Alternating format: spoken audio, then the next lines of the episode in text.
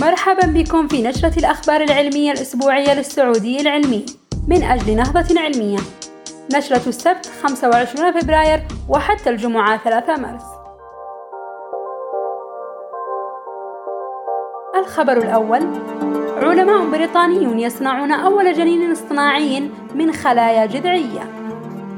تمكن علماء من جامعة كامبريدج من صنع أول جنين فار اصطناعي باستخدام نوعين من الخلايا الجذعية وسقالة لتنمو عليها حيث قاموا بزراعة الخلايا الجذعية الجنينية وخلايا الأرومة المغذية الجذعية الجنينية على سقالة ثلاثية الأبعاد مصنوعة من مادة هلامية لقد لاقت المحاولات السابقة لإنتاج نماذج تشبه الأجنة نجاحا محدودا حيث يتطلب نمو الجنين في مراحله الأولى أنواع مختلفة من الخلايا لتتناسق مع بعضها البعض.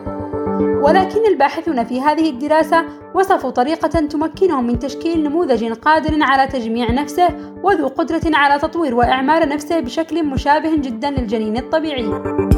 فبعد مقارنة جنينهم بجنين طبيعي تمكن العلماء من إظهار أن جنينهم يتبع نفس نمط تكونه وتطوره. ولكن هذه الأجنة افتقرت إلى نوعين من الأنسجة الضرورية وهي الأديم الظاهر والأديم الباطن ما يعني أنها ليست قابلة للحياة بالكامل. سيساعد هذا البحث في فهم المراحل الأولى لنمو وتطور جنين الثدييات وهو أمر مهم جدا لأنه سيفسر سبب فشل ثلث عمليات الحمل لدى البشر. ولهذا يأمل العلماء أن تكون خطوتهم التالية أن يعيدوا التجربة باستخدام خلايا بشرية.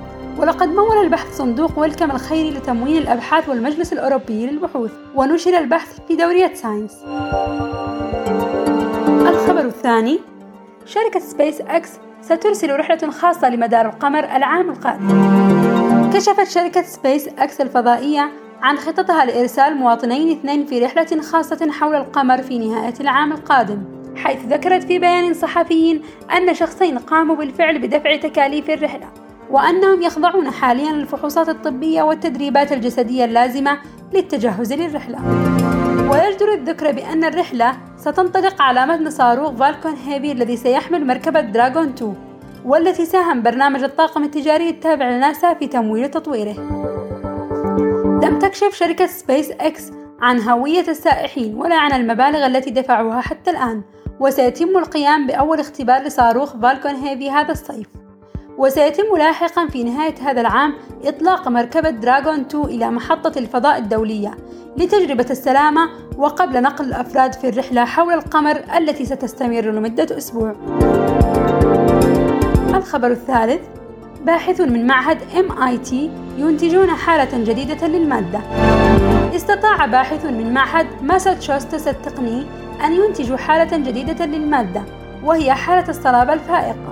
والتي تجمع بين خواص المادة الصلبة مع خواص الموائع الفائقة ولقد تمكن الفريق من الوصول إلى هذه الحالة الغريبة عن طريق تبريد غاز الروبيديوم إلى درجة قريبة جدا من الصفر المطلق. فتكونت مادة فائقة الميوعة تعرف بتكاثف بوز أينشتاين ثم عالجوا هذه المادة المتكاثفة باستخدام الليزر. فاستطاعوا أن ينتجوا مادة بتركيب جسيمات بلوري مماثل للمواد الصلبة ولكنها في نفس الوقت تمتلك لزوجة تساوي الصفر. وهي إحدى خصائص الموائع الفائقة. قد تساهم المزيد من الدراسات على هذه المادة المناقضة للمنطق في الكشف عن المزيد من المعلومات حول الموائع والموصلات الفائقة وهي ذات أهمية كبيرة في تطوير عدة تقنيات مثل المغانط ذات الموصلية الفائقة والحساسات بالإضافة إلى نقل الطاقة بكفاءة عالية. ولقد نشر الباحثون نتائجهم في دورية نيتشر الخبر الرابع. العثور على أقدم أحفورة في التاريخ بعمر 3.7 مليار عام.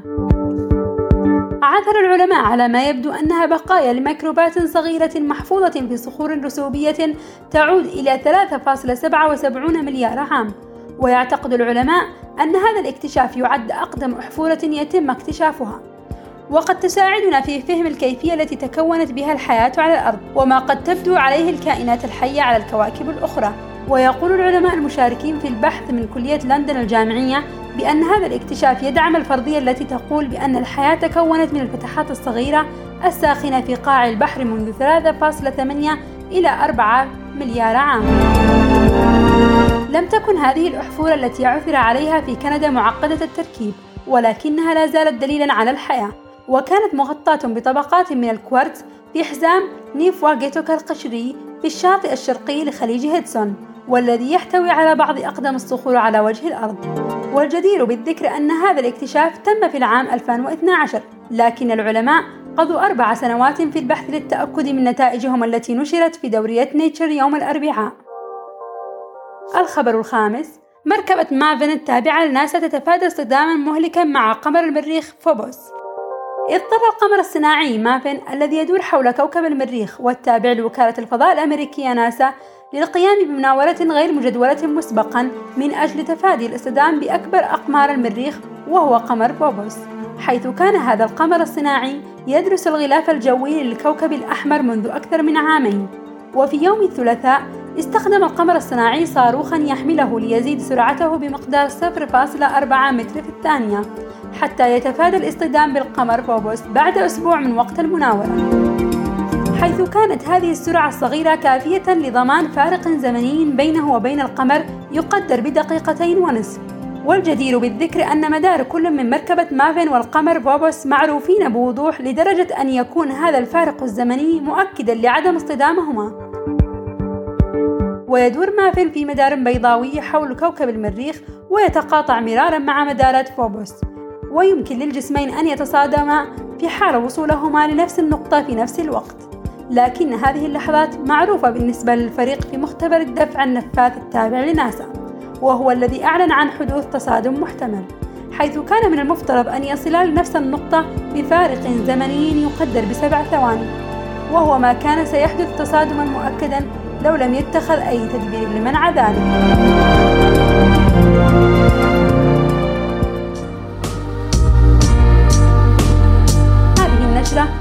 إعداد مجموعة السعودية العلمية. تقديم سلوان عامر إنتاج فاطمة محمد.